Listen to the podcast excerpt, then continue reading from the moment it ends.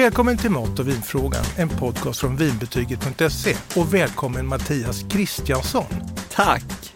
Du gör ju magasinet Vego sedan många år och Mm. det här är ju i en motvind i tidningsvärlden men din tidning blomstrar, ditt magasin. Du vet, ibland bara gör man rätt. Ja. Och sen så gör du ju också då eh, kokböcker och du har en ny kokbok. Berätta. Ja, men precis. Den nya boken heter Vegofavoriter. Eh, Det är lite inflation i böcker från min sida, men det, det, här är den bästa hittills. Okej. Så det, det är den godaste maten. Det är matminnen samlat. Jag tyckte jättemycket om när jag tittade den här. Mm. Och förutom recepten som jag inte har lagat och kan bedöma men att de låter goda så har du en personlig reflektion vid varje, en Mm. personlig beskrivning vid varje recept. Mm. Hur kom du? Nej men okej, jag, jag, jag vet inte hur mycket tid du har att lyssna på mig, men idén kom för att jag, jag är matnörd och jag älskade, jag älskade Julia Child, älskar Mm. fortfarande henne, men och hon hade ett bakprogram i slutet på 90-talet, hon var 88 år tror jag. Och ehm, där var det en som bjöd, hon bjöd in så här konditorer och, och kockar och så fick de laga någonting så fick hon äta det sen. Och så var det en, en efterrätt som hon fick äta och hon började gråta för att hon blev så glad. Hon bara, gud det här är det godaste jag ätit. Ja, Så att jag vill söka den kicken, jag vill bara ja. gråta av mat. ja, Så det var lite det jag gjorde, så jag försöker lite hitta maten som finns kvar i skallen när man Ja. tänker tillbaka på sitt liv och allt man ätit. Så jag ville ha, jag, jag, gillar att ha något personligt kring mat, för det är så mycket med mat som är kopplat till minnen. Jag minns ju inte, jag minns ofta ställen jag har varit på med maten som grund och sen Mm. så broderas det ut liksom miljön det. runt omkring. Jag minns inte solnedgången om inte jag minns att, eh, att det var saffranspasta till liksom. aha, det är som Proust och Madeleinekakan. Exakt så. Men det, jag gillar ju också, dels så går det ju från barndomen Mm. och sen så går det till städer som New York och Los Mm. Angeles och kanske då närmare med Köpenhamn. Och Ja. Det finns en koppling, det är inte bara det att du, utan du beskriver Ja, ja, nej men precis. Men jag har ju rest väldigt mycket, men och det, jag är också sån som reser för maten. Folk undrar om det är svårt att hitta vegansk mat runt om i världen, men jag bara, men jag vet inte. Jag reser ju dit, jag vet att där finns god mat. Ja, just det. Vi samarbetade ju för några år sedan. Mm. Då skrev jag lite vintips eh, till Vegomagasinet. Och- Men vi känner ju inte varandra jätteväl. Nej. Men vi har två saker gemensamt upptäckte jag. Dels är Julia Child som du nämnde. Aha. Hon var ju med i ett avsnitt där vi har ett klipp från hennes första tv-matlagningsprogram, The French Chef. Så det är rätt charmigt när hon presenterar det på sin speciella fransk-amerikanska. Och sen så har vi en sak till och det upptäckte jag i boken här och det är det att vi båda gillar potatisrätter. Älskar potatis. Och jag tycker det är lite bortglömt som livsmedel. Det är helt galet. Och jag är sån som alltid har älskat potatis och sen så nu träffade jag eh, en ny kille, eh, min nuvarande kille då, som är från Indien. Och så sa han, vad tycker du är godast? Jag bara, potatis. Han bara, vad gör du med potatisen? Jag bara, "Ko- kokar här. och sen så har jag insett, eller jag har upptäckt väldigt många indiska rätter för de använder potatis till allt. Ja. Så det är så mycket mer användbart än vad man tror. Ja. Och vi kommer komma lite till några potatis. eh, Dels en, dina chips ur kokboken. Mm. Men eh, jag bara börjar lite kort då. Jag har förstått du har ju inte varit vegan jämt. Nej, gud. När jag, började det? ehm, 2012 så började jag med en köttfri måndag för att jag ville väl rädda världen och tänkte Mm. att det är väl dags att man blir lite mer, börjar tänka på lite mer än sig själv. Mm. Och det var ingen tanke på att bli vegan eller vegetarian eller någonting. Men sen, egentligen var det maten som var kul, för det var, jag tyckte det var kul att laga mat och helt plötsligt var det väldigt eh, många nya rätter, många nya tillagningssätt, ingredienser, allting eh, som jag nördade mig in på. Sen så gick det till någon vecka av att jag bara upptäckte nya rätter hela tiden och tänkte, men shit jag har inte ätit kött på tre veckor. Nej. Och tänkte att nu faller jag väl ner död. Men eh, det var bara kul och sen så läste man på mer om djurindustrin och man läste på mer om klimat och miljö och hälsa och allting. Och sen så tänkte jag, men nu äter jag all den här goda maten. Mm. Varför gå tillbaka om vi dessutom räddar världen? Det känns ju också som att det här med eh, att detta mm, vegankost ändå har funnits länge. Jag såg Mm. ju att i, England finns någon society som är Ja. 75 år. Och går man ännu längre tillbaka, 2000 år, så förordar man att inte äta eh, liksom Mm. djur och så. Så att det här är ju är inget... Men, eh, om man jämför det traditionella köket med det, det veganska. Mm. Vad som slår mig, förutom då att vissa eh, råvaror inte är samma, så smaksättningen verkar vara, kryddningen verkar vara som att det veganska har en egen liten smaklåda. Alltså jag vet inte om det är sant, men däremot så tror jag att man tar mer friheter för att det, vi har liksom inte samma regler att följa. Man är väldigt fast, här i Sverige är vi väldigt fast för typ det franska köket. Mm. Eh, och sen har vi vår husmanskost som är väldigt franskt också, men, och sen så har man man, man är så fast i gamla hjulspår. Men jag ty kan tycka att eh, det veganska är, nu tycker jag att det är hur brett som helst, men det är ju ändå en liten box man måste Ja. jobba inom. Så att jag tror att man behöver, man upptäcker mat på ett annat sätt och man kanske använder kryddor på ett annat sätt, men inte för att man måste, mer för att det är kul. Men färska kryddor, alltså Ja. örtkryddor. Vi säger att du gör en tomatsoppa. Ja, Det är ju mil emellan att klippa färsk timjan över den och inte göra det. Ja du tänker så. Ja, smaksättningsmässigt så finns det mycket i det traditionella köket som jag inte riktigt, som skulle vara väldigt gångbart i det veganska. Alltså jag tror väldigt mycket, jag tror att det är något konstigt hinder man har satt upp också. För jag menar för mig som också, jag älskar ju det franska köket som är väldigt köttigt, men grönsaksrätterna där är ju till exempel fantastiska. För att där använder man, där tillagar man ju rätterna eh, och grönsakerna så att de blir någonting mer. Till skillnad från kanske italienska där man, Ja. Du, jag måste ju fråga dig då som matlagare. Mm. Eh, Är du, handlar du varje dag eller har du alltid mat hemma för flera dagar, kanske en vecka? ja och ja. Okej? Jag handlar varje dag nästan och jag har för mycket mat hemma. Ja. Men eh, det är också så här, jag har en tidning, jag jobbar med böcker och sen så utöver det så vill man testa andras recept. Så det lagas väldigt mycket, för mycket. Och jag är väldigt, eh, det är en kapplöpning att äta sig ur skafferi och frys och eh, allt möjligt. Mm. Samtidigt köpa nytt. Okej, Okej, du är både planerad och spontan. ja. Men odlar du till exempel eh, egna örter och sånt där? Nej, alltså jag försökte någon sommar, jag bor i lägenhet utan balkong, så att det är lite, det kanske bara är en dålig ursäkt, men eh, nej, det bara tog för mycket plats i mitt fönster. Men, men köper du såna här små förodlade, du vet basilika och dill och Ska du skälla ut mig nu eller? Ja, lite grann tänkte jag. Att Nej, jag ska odla det själv eller? Nej men handlar du sånt? Ja. Det gör jag ju också. Men kan du reta dig på att de där små krukorna liksom tar slut och slokar och de är drivna snabbt? Jag, Och... jag har, alltså, nu använder jag mycket mynta och koriander och då går jag alltid till Mellanösternbutiker eller till indiska eller asiatiska butiker för det är helt annan typ av kryddor och de smakar mer och de håller länge och de kan ligga i min kyl i två veckor utan att de blir ledsna. Bra tips. Ja, nej men alltså det, det, och det, det är sån skillnad i smak att det är löjligt. Men det är inte alla kryddor som är känsliga som de man köper i butik. Men eh, jag kan också tycka det är så himla omständigt att odla själv, så får man ta det så lång tid innan det kommer upp någonting som man ska använda. Sen använder man ju allt och så har man tom kruka igen. Ja. Nej men jag, det finns ju vissa saker som är lätt eh, odlade. Ja. Om du köper en färdig basilika Ja. och sätter den i en kruka så kan ju den bli enorm. Basilika har jag odlat i min vattenodling och det kommer jag göra i år också, men jag har inte kommit igång än. För det växer som bananas. Ja. Och om man sprayar dem med sån här vatten, eh, då, bladen, Ja. så att de är fuktiga Ah, varje okej. dag så växer de Men ännu mer. basilika är en sån grej som jag tycker dessutom smakar godare när man gör själv. Och den växer snabbt. Ja, det är Men det är det, enda, det är det enda jag odlar. Nu har vi en lyssnarfråga. Okej. Så är den här Vinbetygets podd. Och den här kommer från Marcus. Hej podden! Vi är en ung barnfamilj som behöver hitta nya rätter. Vad kan vi laga som är gott, enkelt och går ganska snabbt? Det finns jättemycket att göra. Jag tycker att det enklaste är att veganisera era favoriträtter som ni har nu. Så att byta ut köttet mot liksom, veganska alternativ. Eh, Det gäller även mejeriprodukter. Och det, då behöver man inte krångla till det. Det är smaker som ni känner igen, men det är veganskt på ett kick. Tacos funkar alltid, att plocka ihop lite grönsaker och lite olika kryddningar. Du kan ha, eh, istället för färs så kan du ju testa att krydda upp bönor, för det gillar jag. Typ, alltså, Mm, som belugalins. Mm. ja belugalinser eller vad det nu kan vara. Alltså min go-to när jag är hungrig och inte orkar laga mat, då blandar jag kikärtor, alltså bara färdigkokta kikärtor med yoghurt, tahini, citron, och salt och peppar. Mm. Och det är så gott. Så äter man det i bröd eller med sallad. Ja, just det. Nu kommer en fråga som är hur vet man om en vegansk rätt är laktosfri? undrar Carro. Oj, men allt veganskt eh, ska ju vara laktosfritt. Det är ju inga mejeriprodukter alls. Nej, och det det är varken mu eller be va? Så det tycker jag också att då kan hon känna sig trygg Ja. med att är det veganskt då är det laktosfritt. Ja. Skönt med enkla svar.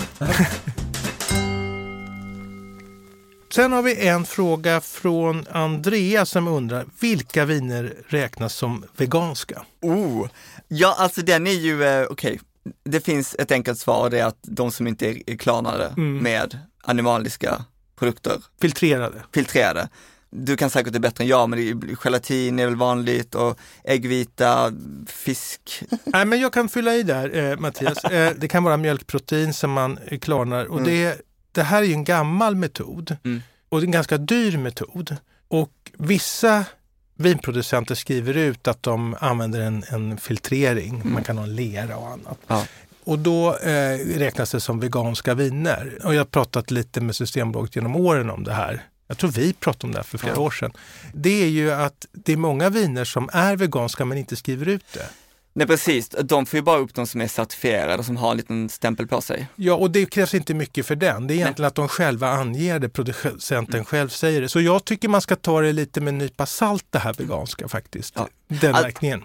Alltså jag kan också känna, för jag får frågan ofta om eh, biodynamisk eh, odlade viner, om de blir veganska i och med att de använder animalier i själva odlingen av druvorna. Mm. Och jag kan också känna att eh, man får väl sätta sin nivå själv. Alltså veganism handlar aldrig om att vara den perfekta veganen. Nej. Det handlar om att göra så mycket du kan och liksom minimera exploateringen av djur. För att helt plötsligt börjar man prata om slaktavfall i biogas och allt vad det är. Mm. Det vill vi inte här i podden. Och, men Andrea, då kan man säga så här också att på Systembolaget så finns det då 230 omkring eh, viner som räknas eller är märkta som veganska. Mm. Man kan söka bara på veganska. Och det finns röda och vita och några rosé och lite sådär. Mattias, du eh, lagar ju mycket saker. Vi får ju frågor om både rätter men även tilltugg. Mm. Och då vet jag att du har med dig ett tilltugg idag. Ja. här. Ja, jag gjorde faktiskt två stycken. Den, den första här är en bakad eh, tomat med vitlök och basilika och sen så la jag den på en liten vitlökscrostini. Jätteenkelt. Berätta, hur gör du? Du kan ta olivolja eller eh, något mjölkfritt margarin om du vill ha det. Lägg ner cocktailtomaterna i en ugnsform, pensla med olja eller mjölkfritt margarin. Lite vitlök på, några basilikablad, sen in i, salt och peppar. Mm. In i ugnen. 200 grader i kanske 20-30 minuter. Mm. De ska få fint med färg och bli lite mjuka och gojsiga. Mm. Alltså det är jätteenkelt. Och sen brukar jag steka bröd i lite olivolja och sen gnider jag in dem med en vitlöksklyfta. Alltså det är så enkelt så det är nästan, det är knappt ett recept. Jag tycker att det är ett recept och eh, jag vill gärna matcha det här. Eh, för vi, det är ju så vi eh, försöker tipsa om Ja. bra viner. Och då, då är det ju alltid Frankrike och Italien, de som får höga betyg. Men då är det kul med en outsider idag som kommer från Grekland.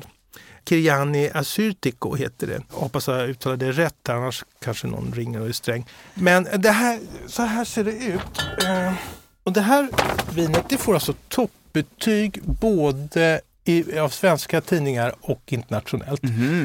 Och det är friskt och härligt och kostar 99 kronor.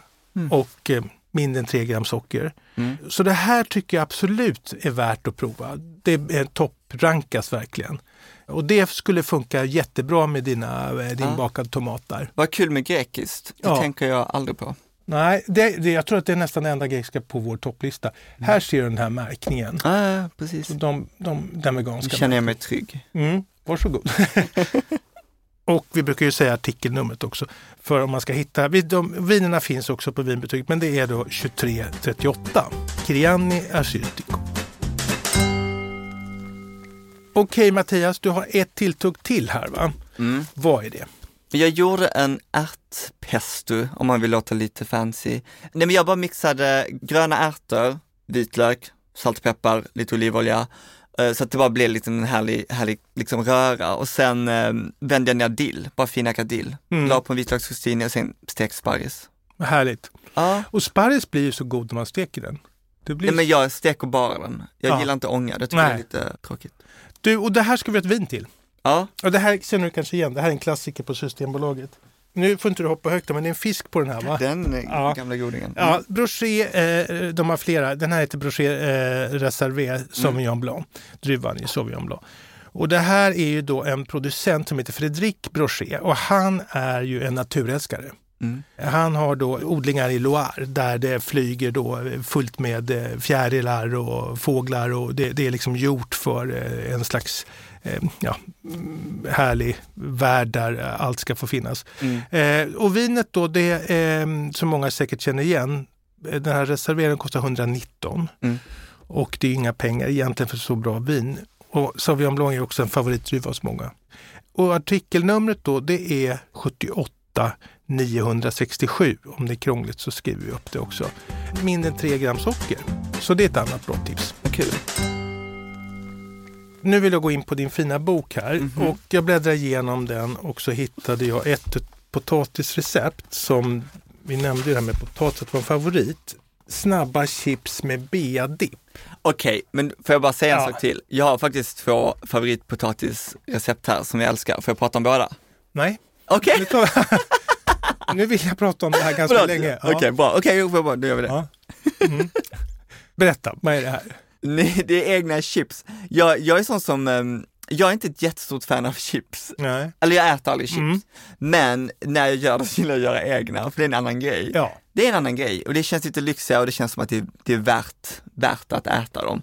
Eh, Så att jag gjorde egna chips med, med en dillkrydda, jag har två olika, det är dillkrydda och sour cream and onion, eh, för det är mina favoritsmaker. Låt den andra, vad heter det? Sour cream and onion, Okej, sour cream. Ja, ja, det är min skånska, Mm. jag, och jag pratar snabbt. Mm. Eh, Så att det är mina, de älskar jag. Och sen så gjorde jag som en kall bearnaisesås till.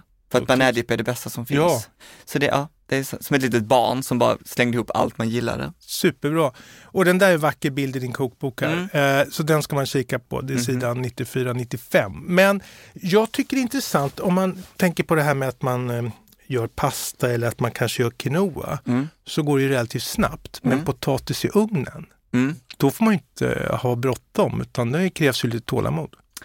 Ja, men alltså jag tycker fortfarande att, jag, jag tycker att man borde tänka om med det här med fa- fast food, för jag tycker nämligen att om det kräver lite förarbete så är det fortfarande ett lätt och snabbt recept. Ja, Men men, bara folk- är i ugnen ju. Ja, men ja, det är inget svårt så, men det, man ska veta att det tar sin tid. Innan, för att ju längre de är inne, ofta potatisar, så tycker jag desto godare blir det. Ja, lätt. Och, och, man, och i alla kokböcker så står det 20 minuter, men jag tycker inte det räcker. Jag fattar inte vad det är de gör. Nej. Om jag tar, man gör ju lite olika. Eh, Jag brukar göra potatis i ugnen därför att de sköter sig själva. Mm. Ofta som vi säger att jag gör potatisklyftor så skär jag dem och så kokar de först lite. Okej. Mm. Och så spolar jag så får jag bort lite stärkelse och snusk. Och sen så Mm. lägger jag dem i en bunke med olivolja och drar runt för då suger de upp och så kommer det inte fullt med olja på plåten som Nej. bara bränns. Nej. Och de ska stå inne säkert i 40-45 Mm. minuter. Och så sjunker de ihop och så blir de liksom krispiga och goda. Och För tar man dem för tidigt då blir de ju lite degiga och äckliga Ja. inuti. Det jag blir galen och när man går på restaurang och får dåligt rostad potatis, man bara, men Mjuk och ointressant. Ja. jag håller med. Så det alla potatislagare, ha tålamod. Mm. 40 minuter i ugnen minst, basta. Yes. Och vad har man till den här, din fina här potatis då, dina potatischips? Jag tycker man ska ha ett krispigt vin, Okej. bubbligt vin. Mhm. Eh, jag tycker man ska köra en eh, cava, eller cava som de säger. Och det är ju lite finare än prosecco, fast Okej. ungefär samma pris. Oh, varför är det finare än prosecco? Ja, men det görs eh, med en annan metod. Det här lagras i, ett antal månader och eh, det är ofta finare druvor och kolsyran kommer med en slags naturlig metod, alltså champagnemetoden. Mm. Prosecco kan ju egentligen ta och spruta kolsyra i en tank med vitt vin. Åh, Gud, jag tror att det gjordes på samma sätt. Se vad jag lär mig. Mm. Mm. Jag är en matmänniska, inte vinmänniska. Nej, men eh, det kanske blir både och. Ja. Eh, och här har vi då den här Perelada Cava Stars, eller Stars kanske, ja. Eh, Brut Organic. Och det här är ju superbra va, för 109 kronor. Mm. Och det, det är sockerhalt inget att tala om, det är 4 gram per liter. Så den här är ju då bubblig, frisk, härlig till det här. Och den är ju ekologisk och vegansk, både och. Och alla de här är det. Och den finns också på Vinbryters topplista. Och numret då, om man vill direkt skriva ner det, så är det 72 601. Mattias, eh, stort tack för att du har kommit till podden. Eh, innan, vi, ja, innan jag låter dig gå härifrån så vill jag gärna, har du några såna här gamla myter som du känner att det här skulle jag vilja ta koll på? Frågor som du får eller som du tycker är missförstånd eller något annat? Jo, men det är väl många som lever kvar. De börjar ändå liksom försvinna lite mer och mer, men eh, proteinmyten tycker jag ändå börjar försvinna lite, att folk inte tror att de ska få i sig protein och jag tror folk har lite fel bild av hur mycket de måste få i sig också. Sen att folk inte blir mätta, vilket jag tycker är jättekonstigt, för att är man, är du hungrig så får du äta mer tills du blir mätt. Ja, är du ja. törstig dricker du vatten eller någonting. Grejen med växtbaserat, jag tror att grejen är att eh, den är ju naturligt, om man ska säga, lite kalorisnålare, så att Mm. du får äta mer volym, men det är inte så att du ska äta dubbelt så mycket, men du får äta, möjligtvis äta lite större portioner än vad du är van vid. Mm. Men eh, det är konstigt att sådana lever kvar. Ibland tror jag att det bara är dåliga ursäkter för att folk inte ska behöva ta steget. Och det är lite okänt. Men också att det skulle vara, att, att det är tråkig mat och det får man väl bara skylla alla som, eh, serverar dålig vegomat på restauranger eller om du känner någon vän som är dålig på mat. Det finns, så mycket, det finns så mycket att göra, det finns så mycket att laga och upptäcka. Ja, men jag tror det handlar faktiskt en del om smaksättningen. Ja. Och då menar jag till exempel att man kryddar med färska kryddor eh, och klipper över någonting, att Ja. det kan få ett jättelyft. Det är ju som, bea blir ju ingenting utan dragon egentligen. Tror du folk är så dåliga på krydda? Det kanske de är. Ja, jag tror att man kan... Ja, så lite grann. Och jag, jag, jag tycker man klipper, jag kan ju tycka gräslök är fantastisk krydda. Och, och, och man gör så här med en sax några gånger och Ja. sen så blir det en helt ny rätt. Ja.